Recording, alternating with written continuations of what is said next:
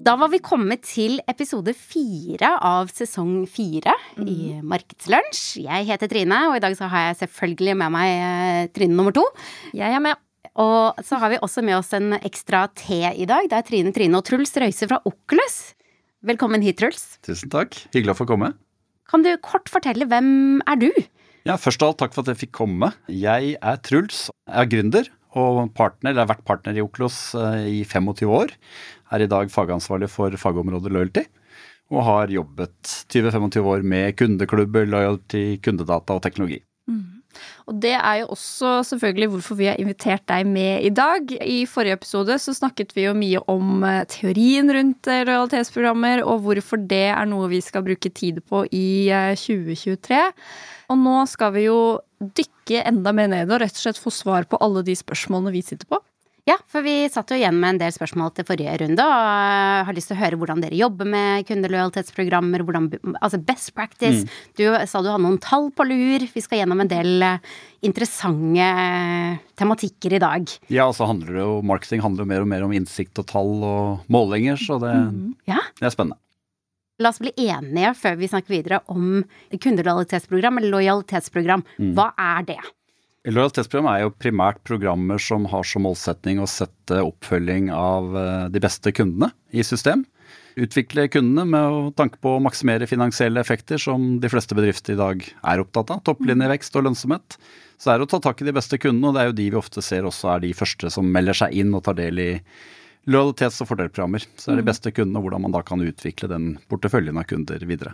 Mm. Er dette et nytt konsept, eller er det noe som Nei, vi henter altså, opp altså Lojalitet kjenner vi jo tilbake fra 1600-1700-tallet. Vi begynte med mynter og holdt på å si nesten i steinalderen. Men vi begynte å dele kobbermynter når vi handla, og så seinere så ble det andre mekanismer, og etter hvert på 1990-tallet så, så, begynte man med kuponger, og så har liksom teknologien drevet frem innholdskonsepter og mekanismer og gjort dette mer og mer både avansert og spennende. og kanskje aller mest spennende i dag at man i større grad kan måle effekten av disse programmene. Mm. Eh, og så er det jo sånn at nå er det jo litt tøffe tider.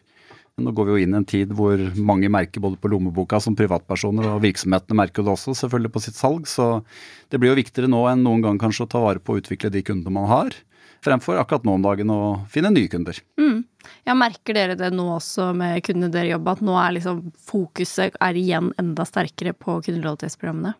Vi merker det egentlig i to dimensjoner. For det første så, så er jo dette tema som er mye mer på dagsorden både i styrerom, hos eiere, ledergrupper. I dag har jeg vært på to foredrag eller to møter med en kundelunsj med ledergruppe og en annet ledermøte hvor man vil snakke om kundelojalitet og hvordan man skulle liksom lykkes med det. Men jeg tror at eh, årsaken til at, som jeg sier, at det er eh, veldig på fokus nå, er jo at, at det er litt tøffere tider. Og så ser vi jo på en måte at det er en dreining hvor man Kanskje prioriterer ressursene mot de beste kundene på ulike sett. Man må spare noen steder og, og, gjøre noen grep. og Da ser vi at veldig veldig mange av kundene våre nå setter fokus på typisk egne kanaler. Mm. Fokus på bruk av kundedata. Og kommunisere på en effektiv måte og få størst mulig målbar effekt av de markedsinvesteringene man mm. gjør. Før har man jo brukt i stor grad betalte kanaler og, og, kjørt kampanjer hvor kanskje hovedmålsettingen har også vært å tiltrekke seg nye kunder, mens nå er uten tvil fokus å ta vare på de kundene man har og utvikle de, og sørge for at de blir enda mer lojale og ikke minst legge igjen mer penger. Mm.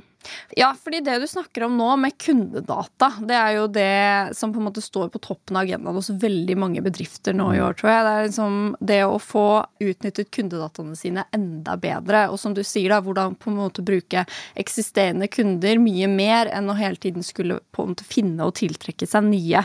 Hva er på en måte fordelen, eller hvordan kan du bruke kundedataene dine enda bedre i sånne lojalitetsprogrammer? Mm. Ja, Det er jo et veldig godt spørsmål, da, for jo, der er liksom hele fundamentet bak lojalitetsprogrammene. Det, hemmeligheten bak det er jo faktisk da å identifisere kunder, knytte kunder og transaksjoner sammen for å skape bedre innsikt, men ikke minst skape mer relevans. da, og Det er nettopp det som er spørsmålet som du stiller. altså Det å på en måte vite hvilken kunder du har, og hva de kjøper og hvordan de ter seg, mm. gir jo muligheten da selvfølgelig til å, å målstyre kommunikasjon og gjøre den mye mer personalisert og, og relevant. Det er liksom ett typisk område, men man ser også veldig mange andre områder i virksomheten hvor man har nytte av kundedata i forhold til kundeinnsikt. Det kan være alt fra space management, hvordan man plasserer rett og slett varer i butikk. Altså det å vite hvilken kunde kjøper hvilken vare, men kunde som da kjøper vare A, hva kjøper den i tillegg som vare to og tre? Det å på en måte plassere varer strategisk kan brukes i lokaliseringsstrategier. Man skal kanskje etablere en, en, ny avdeling, en ny butikk. Hvor er det nedslagsfelt med den type kunder, og sånn sett da matche kundebase mot Så kundedata kan man jo bruke i, både i forretningsutvikling og selvfølgelig da i kommunikasjon, da, som er for, for markedssjefen ofte det viktigste redskapet. Jeg har notert meg at når jeg er logget inn i diverse nettbutikker rundt omkring, så får jeg ofte sånn å ja, du vil ha denne ansiktskremen, andre har også kjøpt. Og så er det jo nettopp det med plassering og forslag til nye. Mm. Det er jo selvfølgelig basert på mine data hva jeg interesserer meg for. Ja. Det er veldig deilig, altså. Jeg må si den er liksom får noe som treffer. Da blir jeg ganske ja, altså, glad. Det er deilig for de virksomhetene som har orden på dataene og, og bruker retargeting på en god måte i forhold til mm. både samtykkehåndtering og ikke minst da har kontroll på kunder som da har kjøpt eh, disse varene, sånn at du slipper å bli forfulgt av samme annonsebudskapene gang gang etter gang. Og det ser vi i dag at de som har god struktur og god organisering både av data, bruk av samtykker og teknologi til det, gjør at du får en mye mer hyggelig kundereise og en mye mer friksjonsfri kundereise, hvor, hvor du kommuniserer med kundene på en profesjonell måte, mm. istedenfor å, å spamme de ned og blir forfulgt etterpå. Som ja. man ofte opplever f.eks. innenfor reiseliv, hvis man bestiller flybilletter eller hoteller. Så er jo det hele tiden i historien. Ikke for å henge ut den bransjen, men mm. dette handler jo om på en måte teknologisk utvikling, og at virksomhetene etter min mening har blitt mye flinke nå til å sette dette i system, og, og gir kunden en mye bedre kommunikasjonsopplevelse. Mm, og så merker man jo veldig godt, som du sier, de som ikke er like gode på det, da. Når man får liksom en eh, e-post noen dager etterpå og spør ja, men skulle du ikke kjøpe den her også? Så er det sånn ja, men den har jeg allerede kjøpt, dere har bare ikke fått det med dere på en måte i løpet. Ja. Det er jo faktisk noe vi ser, for jeg, jeg er ute og treffer både ansatte og ledere og snakker mye med kunder og er nysgjerrig på en måte hvordan kommunikasjon og lojalitetsprogrammet fungerer. Mm. Og man har jo disse eh, skeptikerne som alltid sier at liksom, man skal ikke bli spamma ned, og vi vil ikke melde seg inn, og vi vil ikke ha SMS-er. Men all tall og utvikling viser jo at virksomhetene generelt sett blir mye mer profesjonelle, er mye flinkere og har satt i system. Så vi ser jo at effekten av disse kommunikasjonsaktivitetene, om det er SMS eller e-post, det øker. Færre melder seg av. Man er flinkere til å personalisere og skape relevans, og får sånn sett også selvfølgelig mye større effekt av kommunikasjon. Og ikke minst målbar effekt. Mm. Og så tror jeg man, i hvert fall den diskusjonen går jo litt igjen hos oss og våre kunder, hvor mange ganger er for mye med å treffe med et budskap, og vår erfaring er at du skaper et ganske høyt tall før du begynner å slite på gruppen. Jo mer relevant det er, jo ikke sant, hvor oftere kan du kommunisere, og har du en sterk knytning til brand, og du har et sterkt brand og en sterk relasjon til brandet, så kan du jo nesten kommunisere med kunden ubegrenset, så lenge det er personlig og relevant. Ja, Så lenge du har gjort den gode strategiske jobben i forkant og finner vet hva folk er interessert i, så kan du egentlig snakke med de ganske ofte. Og da blir jo ikke heller kostnaden for utvikling av innhold og content så høy, for det er jo ofte ut, den, en av de store kostnadspunktene er jo faktisk å utvikle content til å fylle kanalene. Men klarer du å fylle kanalen med relevant budskap, så får du også tilsvarende høy konvertering og effekt, og, og, og sånn sett en bedre ROI da, på mm. innholdsproduksjon. Mm. Ja. Men altså, hvis man da er en bedrift, og du har eh, satt deg som mål. Nå skal vi begynne å jobbe med et lojalitetsprogram. Dette er mm. viktig for oss. Mm. Hva gjør man? Hvordan jobber man med det her? Hva er første steg? Det aller viktigste, tror jeg, når man skal starte med det, som, som alt annet man driver med i, i næringslivet eller andre steder, er jo å ha en god, god, plan og en god strategi. Og strategi handler egentlig om å sette tiltak i system og ha, et, ha noen tydelige målsetninger. Så for de fleste så tror jeg det handler om å gjøre en ganske god nå-analyse. Litt sånn hvem er kundene, hvilken type produkter og tjenester, hva er liksom mekanismene som skaper lojalitet.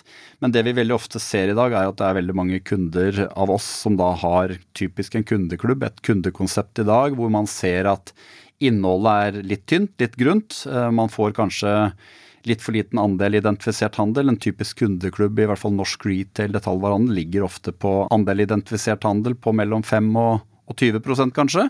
Mm. Mens så fort du implementerer et uh, lojalitetskonsept, og du har en reason to join ved at du f.eks. får bonuspaltehandler, så ser vi veldig fort at en andel identifisert handel fort stiger opp til 50% eller mer i løpet av bare noen måneder. Og klart, Da får du også en helt annen verdi av dataene og en helt annen avkastning på de investeringene du har gjort. Mm. Men det handler som sagt om å ha en god plan, definere veldig tydelige mål. Og så handler det om, som jeg sier, veldig mye om måling og innsikt og det å sette i system. Så når vi jobber med kunder, så lager vi alltid en strategi, men det viktigste dokumentet er jo egentlig hele business caset, altså regnestykket. Så man har lagd strategien hvor man har definert konseptet. Og et lojalitetskonsept består forenkla egentlig av tre deler. Det er jo innholdskonseptet, hva, hva man innholdsfyller det med, innpakningen.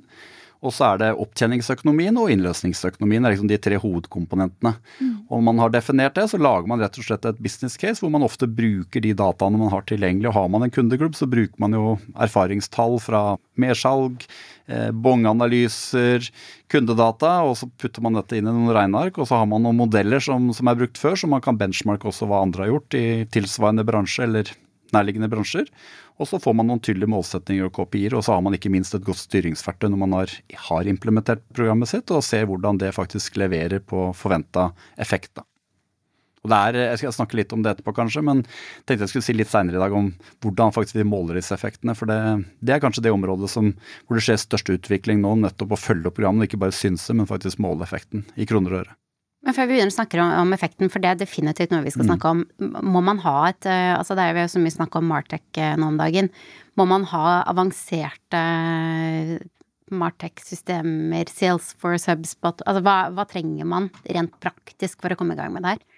Det man aller først trenger, er jo å ha som jeg sa, et forstudie og en god foranalyse i forhold til hva er de funksjonelle behovene. Og som jeg sier, det handler jo om å, å bygge en god strategi, definere konseptet og mekanismen i konseptet og business case. Og når man har gjort det, så utledes det veldig ofte av noen klare funksjonelle krav til Martek og system. Og så er det min opplevelse at i dag når det gjelder lojalitetssystemer, så er det veldig mange gode plattformer. I hvert fall hvis du ser på nordiske kunder, som, eh, om det er norske kunder eller nordiske kunder, så, så, finnes det en del plattformer som både i forhold til pris og, og kompleksitet, både med tanke på implementering og ikke minst da utnyttelsene, ligger veldig langt fremme og er veldig gode. Mm. Så liksom, jeg tror det handler om å, å, ha et system hvor du har god struktur på kundedataene dine i bunn. Bruker ofte begrepet CDP eller CXP. Hva kalte du det? CDP, Customer Data Platform. Ja, eller, eller Customer Experience Platform. Veldig bra. Så, så, det handler litt om på en måte, og det er kanskje den viktigste delen av disse systemene, er ikke den rene funksjonelle biten bare på å håndtere kommunikasjonskanalene, men faktisk da ha denne gode databasestrukturen i bunn, hvor du, som vi snakket om litt i stad, kunne knytte kunder, mm. deres kjøp, og ikke minst deres eh, atferd i forhold til de kommunikasjonsaktivitetene. Og det å sette dette i system er jo det som gir denne målbare effekten i etterkant. Mm. Og som det er viktig å følge med på.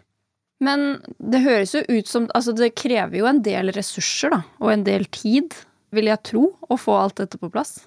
Jeg vil si en kunde som typisk da, Mange har som jeg sier et, et enkelt kundekonsept i dag, en kundeklubb, og ønsker liksom ta steget inn i loyalty eller bruke bonus og poeng og rewards. Mm. Eh, min erfaring er at eh, gjør man et godt stykke forprosjekt, som ikke trenger å være altfor omfattende i forhold til strategi og business case og underlag, så mener jeg at en, en første fase av et sånt prosjekt, litt avhengig av selvfølgelig teknologiske rammebetingelser, men det bør sjelden være noe mer enn 12-20 uker liksom, implementering. For da, da har man kanskje lagd et for stort skåp. Jeg tror det handler litt om man jobber med kundelojalitet, så handler det også om å overraske og begeistre kunden, og ikke levere alt med en gang, men faktisk levere litt hele veien. Mm. Og det er jo ikke noe man bare gjør én gang. Har man etablert kundelojalitet, så, så, handler jo det om å sette måling i system, kommunikasjon i system, og hele tiden utvikle innholdskomponenten og mekanismen i programmet basert på de erfaringene man får på resultatene fra programmet, og ikke minst forventningene hos kundene. Og det å selvfølgelig involvere kundene. Så det er en sånn typisk jobb vi alltid gjør i sånne type forprosjekter. er Å liksom gå ut og gjøre enten fokusgrupper eller en kombinasjon av fokusgrupper og kundeanalyser og spørre rett og slett kundene hva de forventer. Og for å sikre at du får nytteeffekt av programmene. Er det noe typisk kunde Altså er det noen som ikke bør ha et kundelojalitetsprogram? Er det noen typiske markører som gjør at man bør begynne å tenke på det her? Ikke ha, vil jeg vel si. at Jeg tror jo på en måte alle som driver en form for kommersiell virksomhet og ønsker å, å maksimere profitt eller, eller, ikke, eller kan være også en non-profit-organisasjon, en veldedig organisasjon, så handler det alltid om å ta vare på de beste kundene sine. Så jeg tror det går mer på det at uh, ulike kunder, ulike bransjer, har type behov for ulike typer konsepter. Og det ser vi jo litt i markedet i dag i forhold til utvikling av de ulike typer lojalitetsprogrammene, så, så, finnes det jo veldig mange typer programmer. Alt fra det vi opplever i dagligvarer. ikke sant, type er sånne partnerprogrammer som Trumf og Coop og, og, Rema disse, som vi har sett over lang tid. Eller reiseliv med Eurobonus og Rewards og og, og hotellkjedene, som var veldig tidlig ute med sine programmer. Og, og, i dag så ser vi jo helt nye dimensjoner i programmene også, med dette med crossbrands-konsepter, hvor flere merkevarer på en måte lager konsepter på tvers, hvor du kan samle opp og, og få belønning ved å handle på tvers av kjedene eller paid-nivåer, hvor du da i programmer kanskje har et eget nivå hvor du faktisk da tar betalt for en ekstra ytelse i form av tjenester som du leverer til kundene, og kundene er villige til å betale for. Og som gir en helt annen type cashflow i, i programmene i forhold til drift og utvikling. Men jeg vil ikke si at det er noen som ikke trenger det. Jeg tror det handler som jeg sier mest om å gjøre en god forhåndsanalyse og definere et konsept som vet at kundene opplever som, som nyttig, gir nytteverdi, men samtidig gir de nødvendige finansielle avkastningene.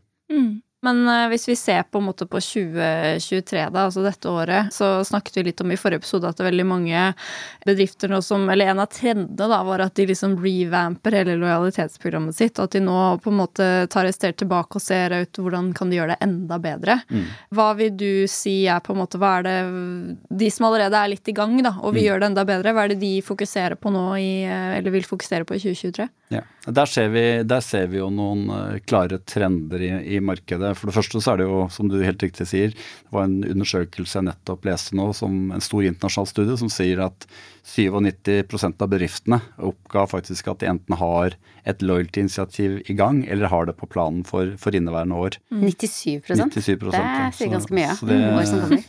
Og det er jo selvfølgelig da ulike typer kundeinitiativ, så det er ikke nødvendigvis bare et bonusprogram. Det kan være andre typer lojalitetskonsepter. Det blir travelt for dere framover, da. Ja, men, men, det vi ser, litt sånn trendene, så ser vi bl.a. Det har jo vært sånn at disse bonus rewards-konseptene eller lojalitetsprogrammene ofte har vært knyttet til konsumentmarkedet. Mm. Eh, selvfølgelig retail, detaljvarehandel, faghandel. Vi ser jo typisk en trend nå hvor flere og flere av B2B-aktørene begynner å benytte seg av mekanismer fra, fra konsumentprogrammene, og at de ligner mer og mer på hverandre. Mm. Og i enkelte tilfeller hvor du har kunder som både jobber mot konsument og proff, faktisk syr konseptene sammen.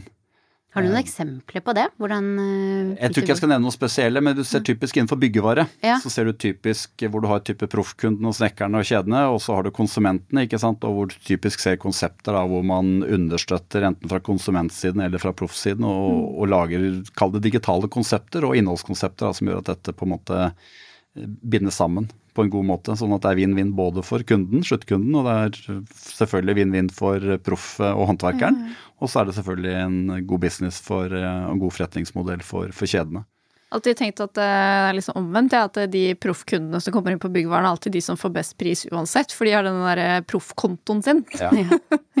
Men, og den er jo veldig basert på dette holdt på å si, innkjøpslojalitet, som er basert på årsvolum. Og ja. de ser vi ligger ofte i bunnen for disse lojalitetskonseptene, typisk innenfor byggevare, som du nevner. Men der begynner man nå også å implementere da mer sånne adhocmekanismer som man har fra mer konsumentkonseptene, hvor man liksom trigger konvertering, ekstra mm. besøk, økt ordre eller handlekurv, og bruker sånn sett da mekanismer som vi kjenner mer fra konsumentverden. Hvis du sier litt om 2023 og trender, kanskje mest fremtredende tingen som vi ser nå innenfor loyalty, både i Norge og Norden og i og for seg resten av verden, er jo typisk nå at veldig mange av disse programmene har vært veldig basert på transaksjonell lojalitet. Mm. Og For å ta den dimensjonen først, så ser man at programmene ofte har hatt det man kaller en grunnbonus. Og grunnbonusen den har jo primært en hensikt om å om å identifisere kunden, at kunden har en, en grunn til å, å, registrere seg. Og dette kjenner vi jo typisk igjen fra reiseliv, hotell og ikke minst fra dagligvare, hvor man har bonus.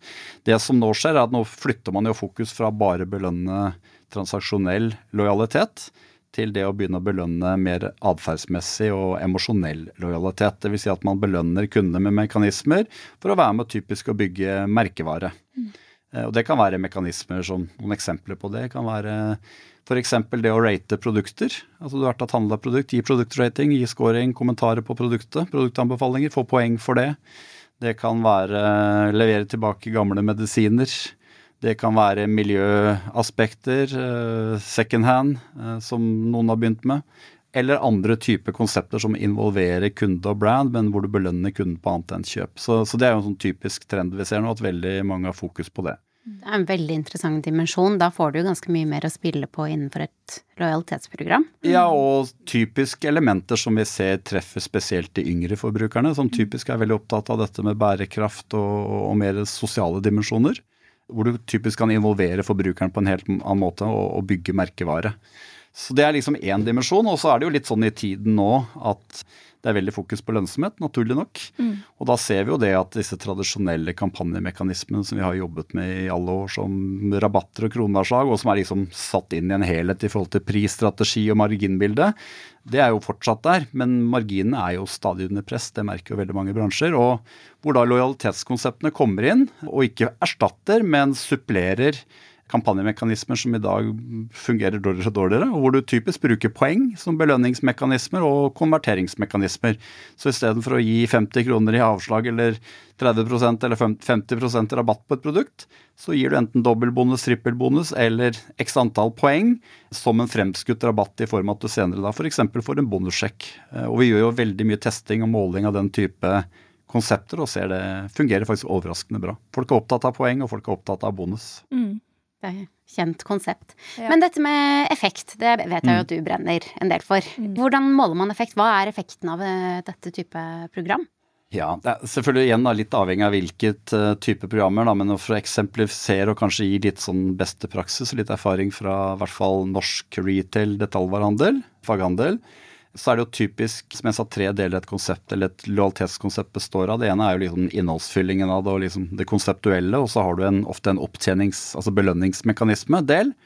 Og så har du på en måte en innløsningsdel som vi ofte kaller burn. Ørn og burn. Ørn og burn, ja. Og, og det vi ser, og som er veldig tydelig etter å ha jobbet med dette faget noen år, er jo at på, på earn-siden så, så har man typisk én KPI som man enkelt kan måle. Og det er jo effekten av kundedialogen, der man typisk innholdsfyller med bonuskonsept eller bonusmekanismer, hvor man måler typisk de som mottar et nyhetsbrev og åpner og handler, mot de som mottar, men ikke åpner og handler. Eh, Så har man en kontrollgruppemåling, og så klarer man sånn sett å se hvor mange ekstrahandler. Og Det er jo ett eksempel på en KPI som faktisk da er målbar i et eh, program. Mm. På Burn-siden så opererer vi ofte med, med to områder som vi måler, og kanskje ikke er så overraskende. En er jo da handlekurv, der du ser på hvordan handlekurven økes ved handel med typisk bonussjekk, som et eksempel, mot handler som er bonusgivende uten bruk av bonussjekk. Og så har man ganske avanserte statistiske metoder med kontrollgrupper og, og målmetoder i forhold til gjennomsnittlig tid mellom handler og sånne ting, som gjør at man får ganske valide tall på både økning i, i handlekurven, som er det ene, og den siste som da er frekvensøkningen, altså tid mellom handlene. Så økning i effekt av kundedialog, økning i handlekurv med bruk av innløsningsmekanismer og tilsvarende økning av eh, frekvens. Det er, det er liksom de tre kopiene vi kan måle og setter i system, og som er lett å følge opp. Men det er jo veldig veldig mange andre ikke-målbare effekter som man ikke må glemme når man skal f.eks. lage et business case. Og det er jo verdien av kundedataene som vi snakka om i stad, som er vanskelig å kvantifisere. Så er kanskje den største ikke-målbare effekten er jo selve lojalitetseffekten i seg selv. Altså grunnbonuseffekten. Det at du får 1 eller 2 eller 5 grunnbonus å, på alt du handler. Den er vanskelig å måle, men den er betydelig. Det vi ofte ser, er at ved å bare ha med grunnbonusen, og ikke disse mekanismene som bidrar til økt effekt av kundedialogen og økt handlekurve og frekvens, så er det vanskeligere å regne igjen eh, ROI-avkastningene. Spesielt i bransjer der du ser at marginbildet allerede er veldig pressa. Du sa at du har vært i to møter, ledermøter i dag om realitetsprogram. Ja. Opplever du at det er ganske enkelt, satt i eh, tødler her, å selge inn det her som noe man skal investere i, fordi det er nettopp såpass målbart på andre siden? Ja, akkurat nå om dagen så handler det faktisk mer om de spør når kan vi komme i gang. Og, og, og som vi snakka om i stad, hvordan kan vi komme i gang. Så opplever jeg vel fortsatt kanskje, ikke i dag, men eh, noen ganger litt for mye teknologisk fokus. Man begynner liksom med Martech-biten og lurer på hvilket system man skal kjøpe. Jeg tror det handler mest om å forstå kundene, gjøre en god foranalyse, en god plan.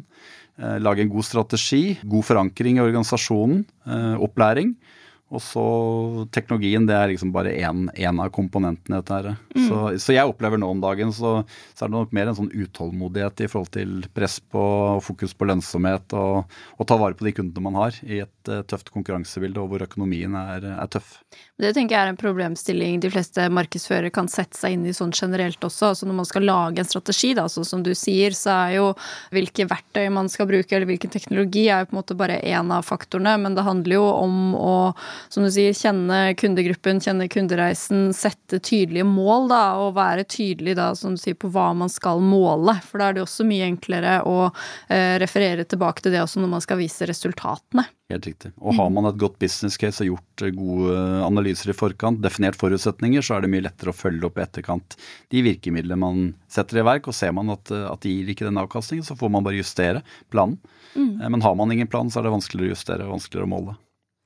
Under pandemien, nå skal vi ikke snakke for mye om pandemi, men det er jo noen effekter som har, eh, har oppstått her. Da var vi jo alle online. Nå har vi jo heldigvis begynt å komme mer ut i butikkene igjen.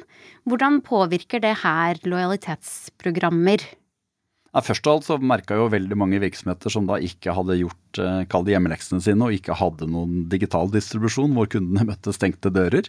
Så det har liksom skutt fart i den digitale utviklingen og transformasjonen. Og så er det jo flere og flere, da, basert på den, den læringen, som har satt veldig mye fokus nå på kundeopplevelser, eh, kundereiser, og dette grensesnittet mellom fysisk retail og, og digitalt eller online.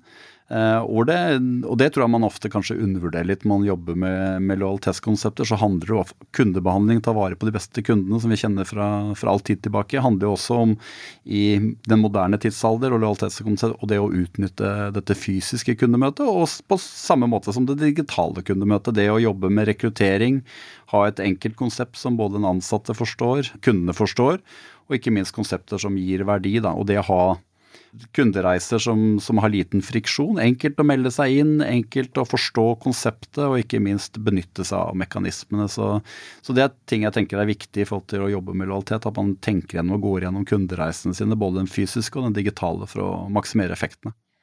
Vi pleier alltid å spørre gjesten vår sånn siste spørsmål. Hvis det er noen der ute nå, noen markedsførere, som sitter og har lyst til å komme i gang med et lojalitetsprogram, enten blåse livet i et gammelt eller sette i gang med noe nytt, hva er det viktigste de gjør nå? Eh, jeg tror det viktigste de gjør nå, er som jeg sa i stad, å gjøre en god foranalyse. Altså ikke sitte og vente for lenge, og heller ikke gjøre det for komplekst og skape for store forventninger. Jeg opplever jo noen ganger at disse strategifasene strategiarbeidet og forarbeidet hvor man innhenter konsulenter som meg selv og oss, at prosjektene blir litt for store. Man legger liksom litt for sånn svulstige ambisjoner og mål.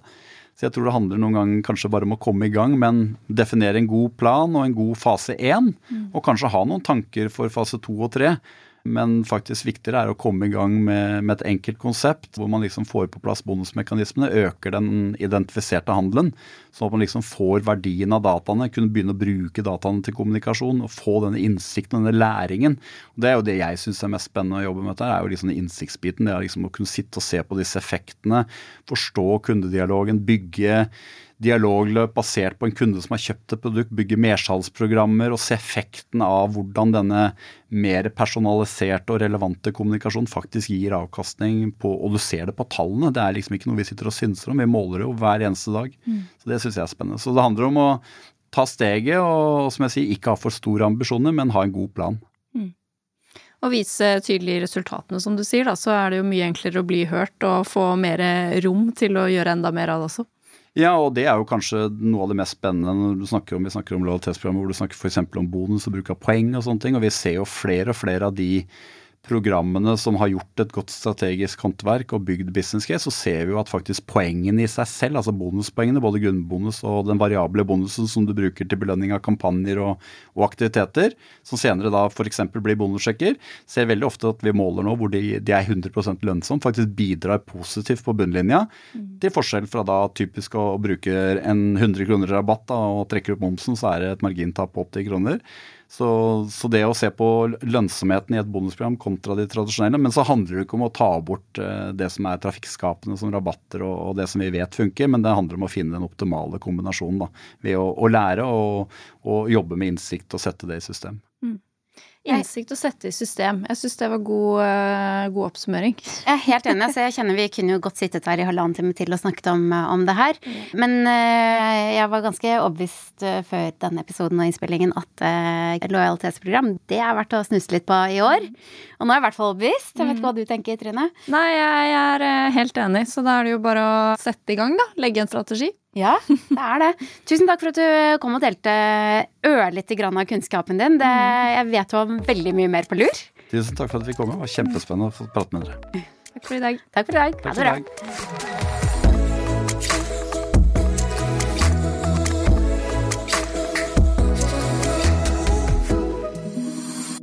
Denne podkasten er produsert av Freemantle Podcast for markedssjefene.